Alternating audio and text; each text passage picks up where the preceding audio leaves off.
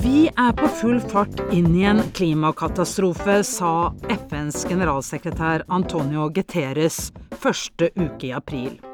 Da lanserte FNs klimapanel en delrapport som ser på løsninger for hvordan vi kan begrense klimaendringene på en bærekraftig måte. Mye kan gjøres. Gjester i denne episoden av podkasten Universitetsplassen er norske hovedforfattere bak delrapporten. Snorre Kverndok er samfunnsøkonom og seniorforsker ved Frisch-senteret. Elin Lerum Boasson er professor i statsvitenskap ved Universitetet i Oslo, og også tilknyttet Cicero. Jeg heter Gro Lien Garbo. Velkommen, begge to. Tusen takk. Tusen takk. Snorre Kverndokk og Elin Lerum Boassen, vi snakker nå om tredje delrapport under klimapanelets sjette hovedrapport.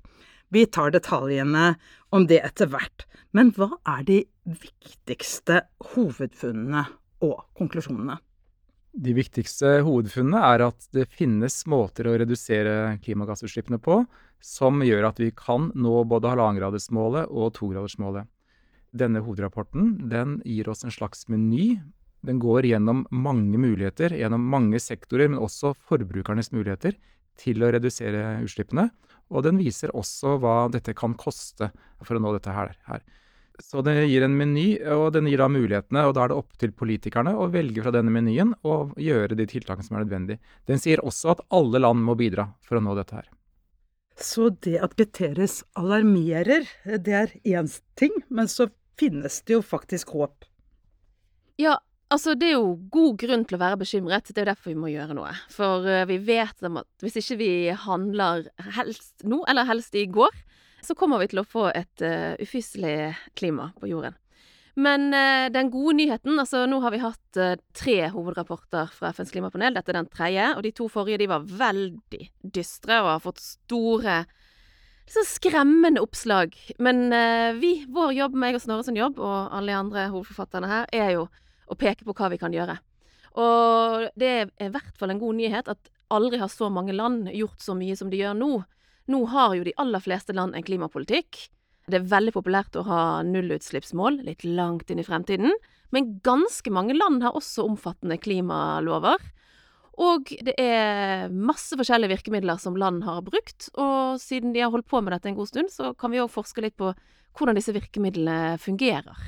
Det aller vanligste er å ha støttesystemer eller reguleringer som pålegger økt forbruk av fornybar energi, og det har jo bidratt til at prisene på fornybar energi har rast. I tillegg så er det vanlig å pålegge energieffektiviseringstiltak, og så er det jo Altså, hovedanbefalingen fra klimapanelet har jo vært å sette en pris på CO2.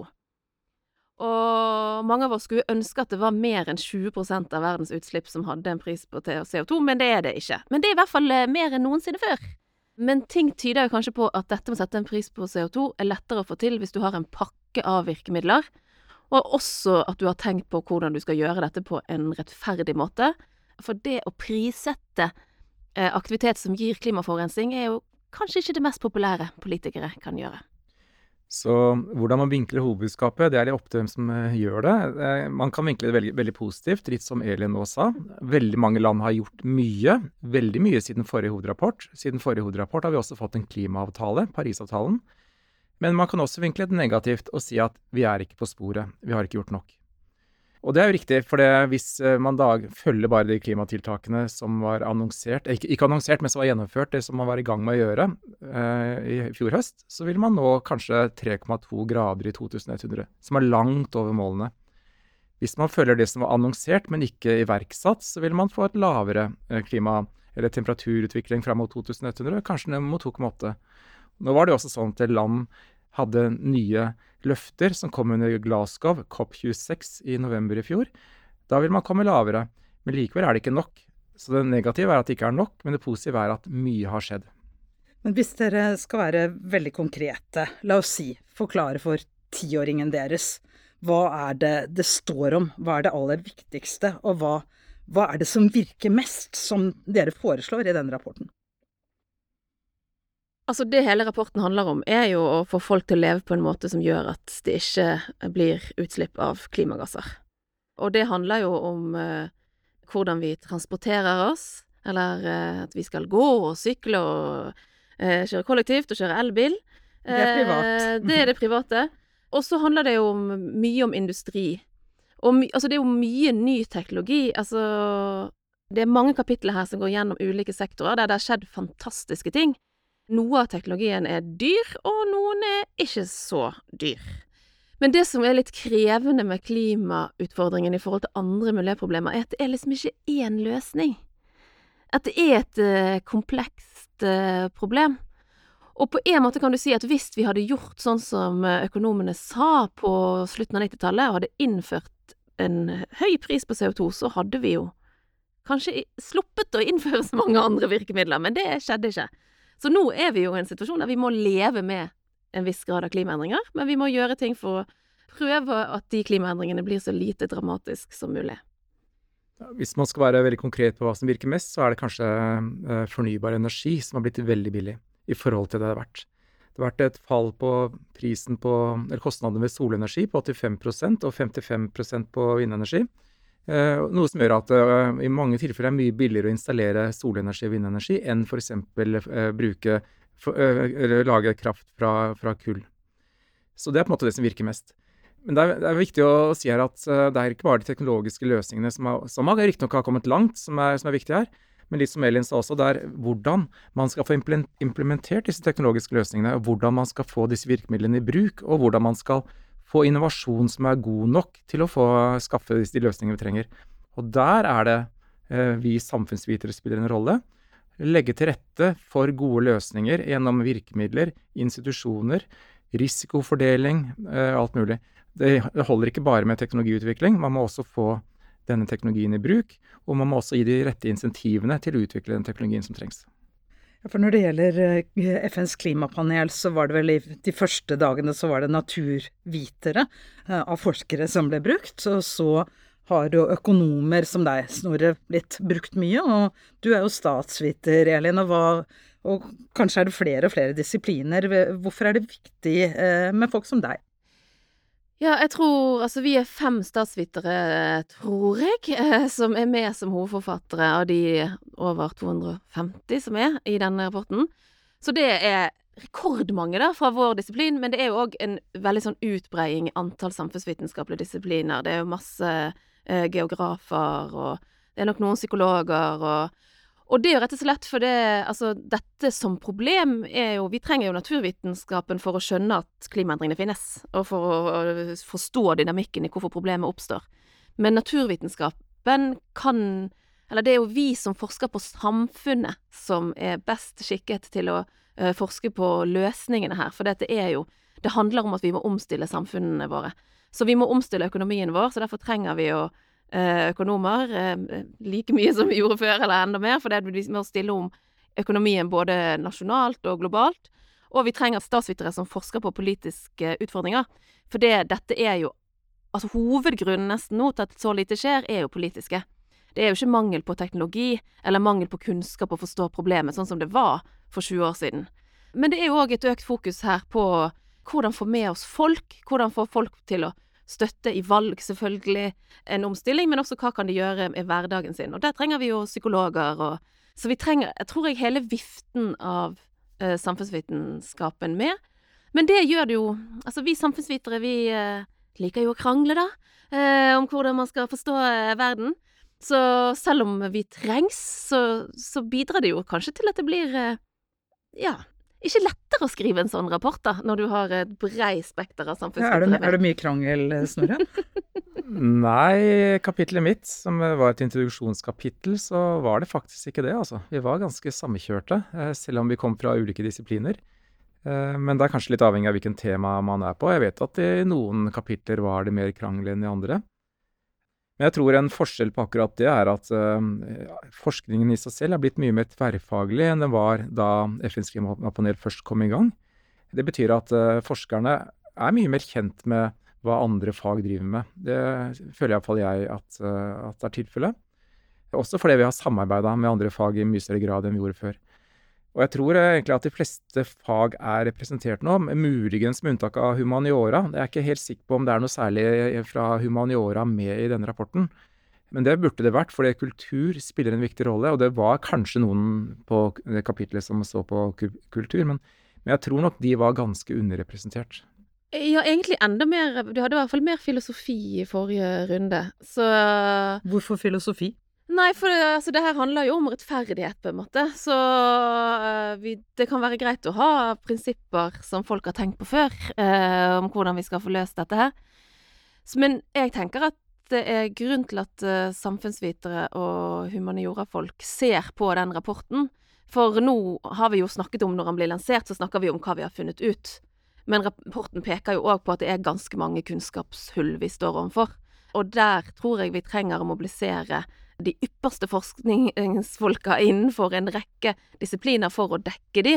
Og på kultur altså, så, er det jo masse ting som uh, vi trenger å forstå, som sosiologer kan bidra med, men òg rett og slett altså hva, hva har det å si at man har masse klima i film og litteratur, og hvordan påvirker dette måten man tenker om det på?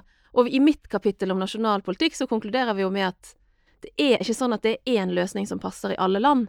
Så uh, man må tilpasse løsningen til det som passer til kulturen og tradisjonen i de ulike landene. Altså vi i Norge og det, de som er i Brasil eller de som er i Kina, det er liksom ikke Det kan være noen fellespunkter i måten vi skal løse dette problemet, men antageligvis er det en del uh, ting som må tilpasses det som funker i de ulike landene. En ting er at uh, både denne rapporten og den forrige rapporten peker mye på urbefolkning rundt omkring i verden at de kan være med på løsninger, eh, samtidig som man må ta hensyn ur, til urbefolkningens kultur og tradisjoner. Og, og, da trenger man jo også fagdisipliner som kan noe om det, om det er sosial antropologi eller om det er humaniora. Så det er veldig viktig å få med, få med disse fagdisiplinene i en rapport hvor vi legger vekt på urbefolkningens rettigheter og muligheter til å bidra. Men dette med økonomi, eh, at noe blir billigere, det taler jo veldig til oss. Og jeg blir jo håpefull også når jeg hører miljøvernministeren si at det er faktisk billigere å velge eh, noen av disse løsningene. Så det må jo være eh, deilig å være økonom og kunne stå bak sånne beregninger. Ja, eh, og da lurer alltid økonomen på hvorfor gjennomføres ikke dette hvis det er lønnsomt? Og da er vi ofte litt i stuss, altså. Hvorfor gjør man ikke dette når det er billigere? Og da, da ser vi at det er noen skjulte kostnader her som ikke er kroner og øre men det er at man må endre måten man er på. Man må endre atferd, eh, vaner, ikke minst. Og det er ikke så lett å sette kroner og øre på dette, dette med å endre vaner. Det, og det, det, kan være ganske tungt for folk. Hvorfor har man ikke installert en varmepumpe i huset f.eks., hvis det gjør at rene strømregninger blir ganske mye billigere? Man tenker kanskje at eh, Nei, jeg utsetter til i morgen, og i morgen så utsetter man en dag til, for i dag har jeg så mye å gjøre. Det, det, det, er ikke vaner her, men det er en sånne prokastinering, som det heter på fagspråket. Det skal vi kanskje ikke snakke med sånne vanskelige termer, men i alle fall, eh, det er en del sånne ting som også teller inn, som gjør at man ikke gjennomfører tiltak.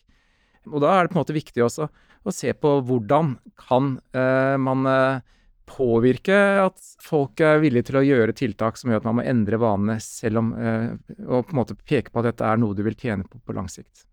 Ja, hva skal til? Er ikke det at ja, altså, I hvert fall eh, innenfor energieffektivisering er jo dette veldig tydelig, for det har man jo sett kjempelenge, at vi kan spare mye på energieffektivisering, og så skjer det ikke. Men jeg tenker at i tillegg til det Snorre sier, som er absolutt helt riktig, så er det jo også noe med utdanning. Og at vi trenger jo faktisk at de som bygger husene våre, vet hvordan de skal bygge de, på en måte som gjør det lett å bo der, på en måte som ikke sløser med energien. Og det er jo en utfordring for, eh, altså ikke minst for yrkesfagene, men også på universitetet så er det jo noe med at vi trenger å utdanne folk som faktisk har de verktøyene de trenger ute i samfunnet for å få til klimaomstilling.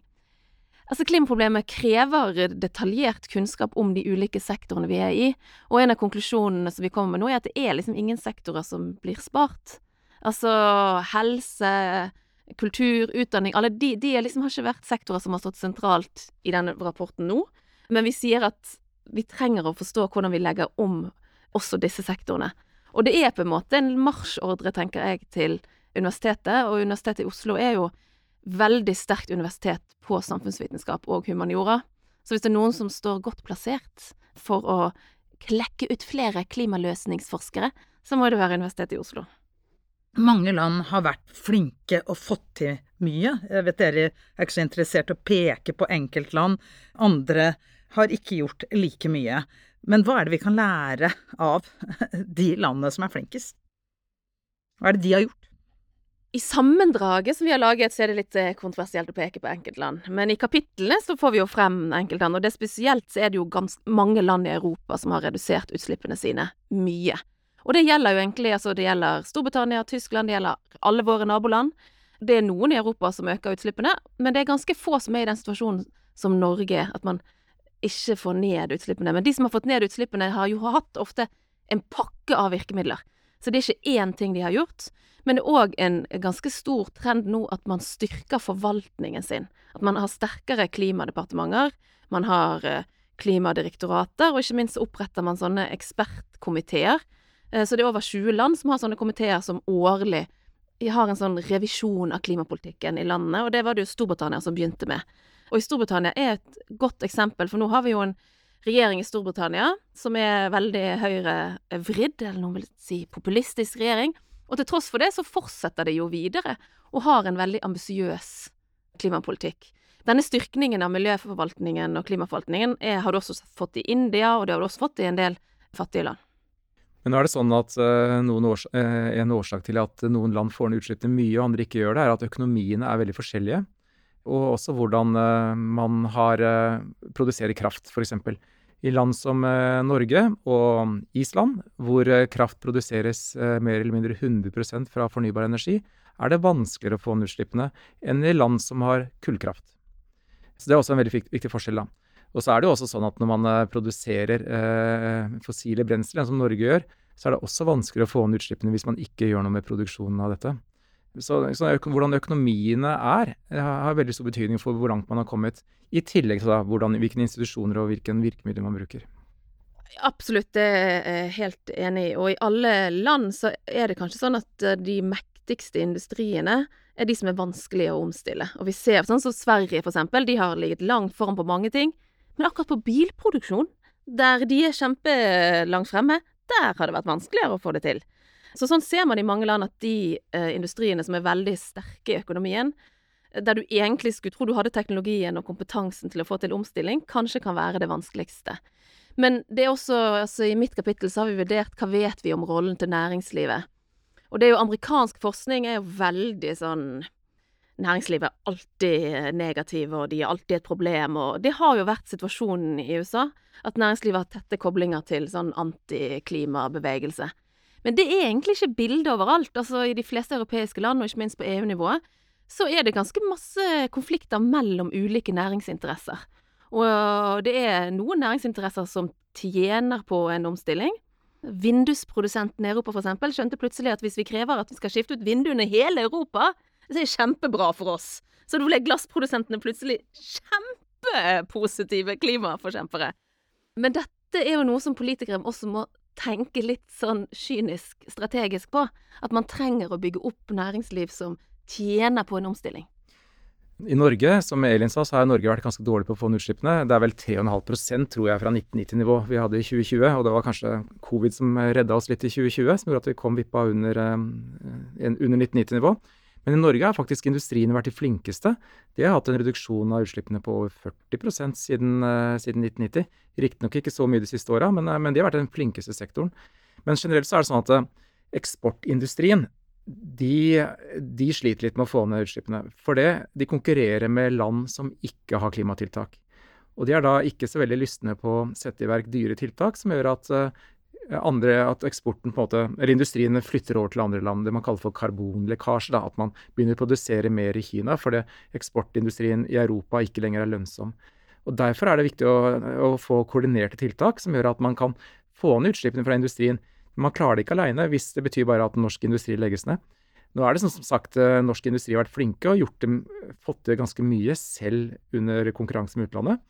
Men for å nå nullutslipp som man må mot 2050, så er det viktig at man koordinerer tiltak på tvers av all industri. Hvis dere skulle ta Norge, og ut fra det arbeidet dere har gjort, komme med tre utfordringer som kanskje er det viktigste man eh, burde ta tak i her? Altså, det er viktig å si at vi ikke evaluerer Norge. Og det er fordi mandatet som IPCC har fått fra verdens land, er at man skal ikke gå direkte inn i landene og si noe. Men samtidig så viser jo denne rapporten, som sagt, at det er en meny av ting du kan gjøre.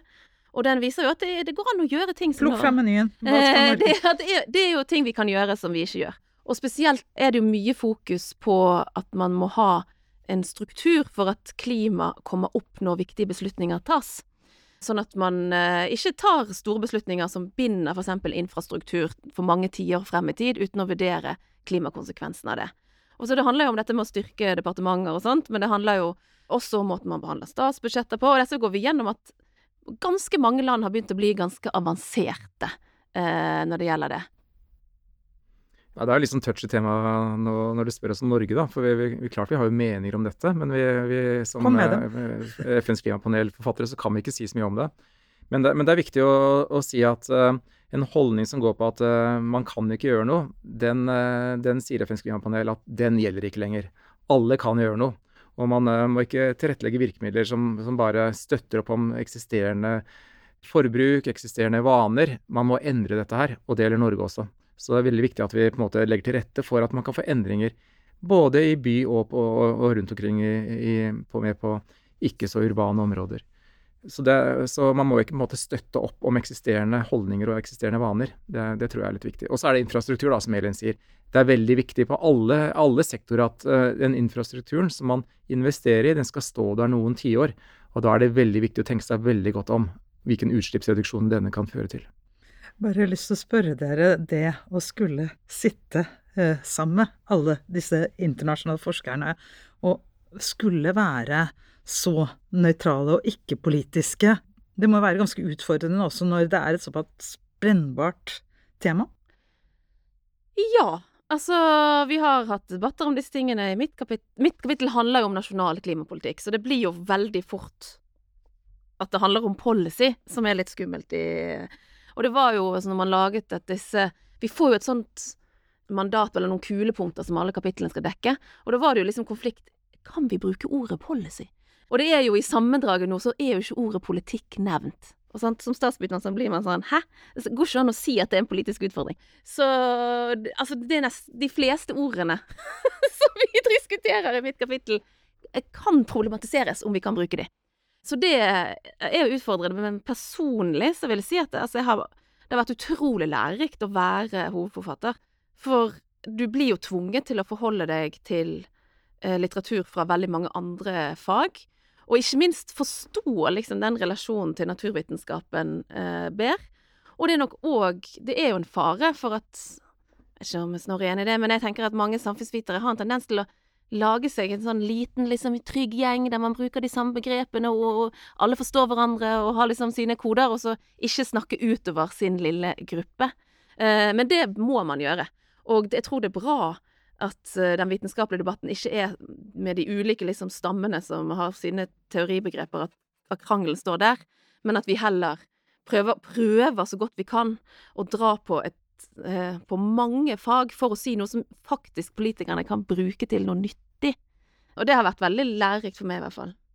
Ja, jeg tror vi har vært flinkere til å se utover vår egen lille kjerne eh, siste åra. Jeg føler iallfall det eh, at, eh, at vi har blitt det i forskningsprosjektene våre. At vi, vi har med folk fra alle faggrupper, og vi kommuniserer sammen og ser ting bredere. Så jeg tror nok vi er det.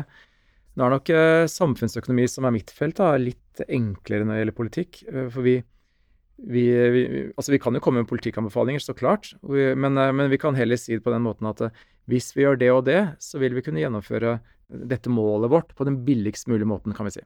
Hvis vi gjør det og det, så vil det ha fordelingskonsekvenser som er sånn og sånn. Så vi kan på en måte fortelle hva som skjer hvis vi gjør det, det og det. Og det kan vi da gjøre på en måte uten å si at det, men sånn skal dere gjøre. Vi kan si at dette er den beste måten å gjøre det på, og det er det man har gjort også når man snakker om en CO2-prising, for da kan man gjennomføre tiltakene på den billigst mulige måten. Men CO2-prising vil også ha konsekvenser for fordeling, og da kan vi påpeke hva disse konsekvensene kan være. Og av og til må man kanskje gå på tvers av effektivitet for å få en bedre fordelingsvirkning. Og sånne ting kan vi si uten å på en måte komme med klare anbefalinger. Så det er nok litt lettere for oss, tror jeg. Mange av oss sitter jo og tenker på hva, hva kan hver og en av oss gjøre hvis vi vil gjøre noe, og, og, og hva, hva, hva er det viktig å ta tak i for å, at ikke verden da går mot klimakatastrofen som uh, Guterres uh, frykter? Eh, denne rapporten peker på at 40-70% av utslippsreduksjonene kan tas gjennom endringer i, i, forbruk. Alt vi produserer her i verden, er det jo tross alt vi som bruker. Altså alt vi produserer av industrivarer og energi og alt mulig, er det jo tross alt vi forbruker som til syvende og sist bruker. Så vi kan gjøre ganske mye. Noe kan vi gjøre med rene atferdsendringer. Vi kan spise mer plantebasert eh, mat, eh, mindre kjøtt. Kjøttindustrien er en ganske stor eh, utslippssektor. Vi kan legge til rette, men hvis man bare tar akkurat selv forbruksendringene, så er det viktig at det støttes opp om politikk. Og det kan støttes opp om at man investerer i infrastruktur, sånn at forbrukerne har valget om å ta kollektivt framfor å ta bil, f.eks. Det kan støttes opp om at man uh, tar, uh, bruker teknologi, sånn at forbrukerne kan ta valget med å kjøre en fossilbil framfor å kjøre en elbil. Så uh, rene atferdsendringer har betydning. Gå, sykle istedenfor å kjøre bil, endre kosthold. Men det er også viktig at infrastrukturen legges til rette for at vi skal kunne, kunne ta disse valgene, og at teknologien blir tatt i bruk sånn at vi kan gjøre det. Så det er på en måte disse tre tingene. Og så tenker jeg at det er viktig at folk også er bevisst på dette i jobben sin. For nå er det jo alle sektorer blir berørt, og alle arbeidsplasser nesten eh, kan eh, gjøre noe for å legge mer til rette for eh, klimavennlig livsstil, og at man skal få ned utslippene i den sektoren man jobber. Og så kan jo folk engasjere seg politisk i organisasjoner, og det er viktig. altså Nå har det vært mye snakk om at folk har klimaangst og Altså, Snorre har helt rett i dette med at man må tenke på sitt eget forbruk. Men samtidig så må man jo være oppmerksom på at vi lever innenfor noen strukturer som gjør det lettere å velge forurensende måter å oppføre seg på enn å velge det riktige. Og da tenker jeg at det ikke Vi vil ikke at folk skal gå rundt og bare skylde på seg sjøl. Så man må finne liksom en balanse som gjør at uh, man tar de tingene som er enkelt og greit i hverdagen sin, samtidig som man jobber for å endre strukturene i samfunnet, sånn at det blir lettere å få ned utslipp. Til slutt, for å bli også litt personlig, eh, selvfølgelig både som forsker og, og, og mennesker, hva, hva, er deres håp for framtiden? For dere vasser jo i denne problematikken. Håpet må være at uh, politikerne tar dette alvorlig nok. Altså man tar langsiktige hensyn uh, mer alvorlig enn bare kortsiktige hensyn, som kan være gjenvalg om fire år eller to år. Og at man er i stand til å samarbeide. Det vi så under pandemien som ja, fremdeles pågår, er eh, at man man var i stand til å gjøre veldig mye på forholdsvis kort tid for å endre hvordan vi organiserer samfunnet på. Så man er i stand til å gjøre det, og da er håpet at man er i stand til å gjøre dette på klimaproblemet også. Ja, altså jeg har et håp. Altså jeg tenker eh, I begynnelsen, når klimaet klima kom på dagsorden, så var det veldig sånn eh, kamp mellom de som trodde at dette var alvorlig, og de som ikke trodde det. Og så i noen land så har det vært sånn som i Norge, veldig alle politiske debatter så er det liksom de gode mot de onde, og noen sier de vil løse problemet, og beskylder de andre for å ikke gjøre det. Men jeg håper at vi kommer videre der vi faktisk fokuserer på de praktiske, tekniske, sosiale utfordringene vi står overfor. For det er jo egentlig ingen som har universalløsningen på alt dette. Så vi trenger jo at uh, veldig mange kloke folk bruker hjernene sine på dette. Og at uh, vi må også stole på at kommuner, organisasjoner, folk flest er med, og at vi jobber sammen. Så det krever jo eh, samarbeid på kryss og tvers i samfunnet vårt, og det er lettere å få til hvis ikke vi har sånn at folk beskylder hverandre for å ha skjulte motiver hele tiden i eh, diskusjonene. Takk til Elin Lerum Boassen og til Snorre Kverndokk for viktige refleksjoner og innspill om FNs klimapanel delrapport 3. Dette er en episode i Universitetet i Oslos podkastserie Universitetsplassen. Søk oss opp der du lytter til podkaster. Produsent for denne sendingen var Yvonne Petrem. Tekniker var Mari Lesteberg. Jeg heter Gro Lien Garbo. Takk for følget. Vi høres.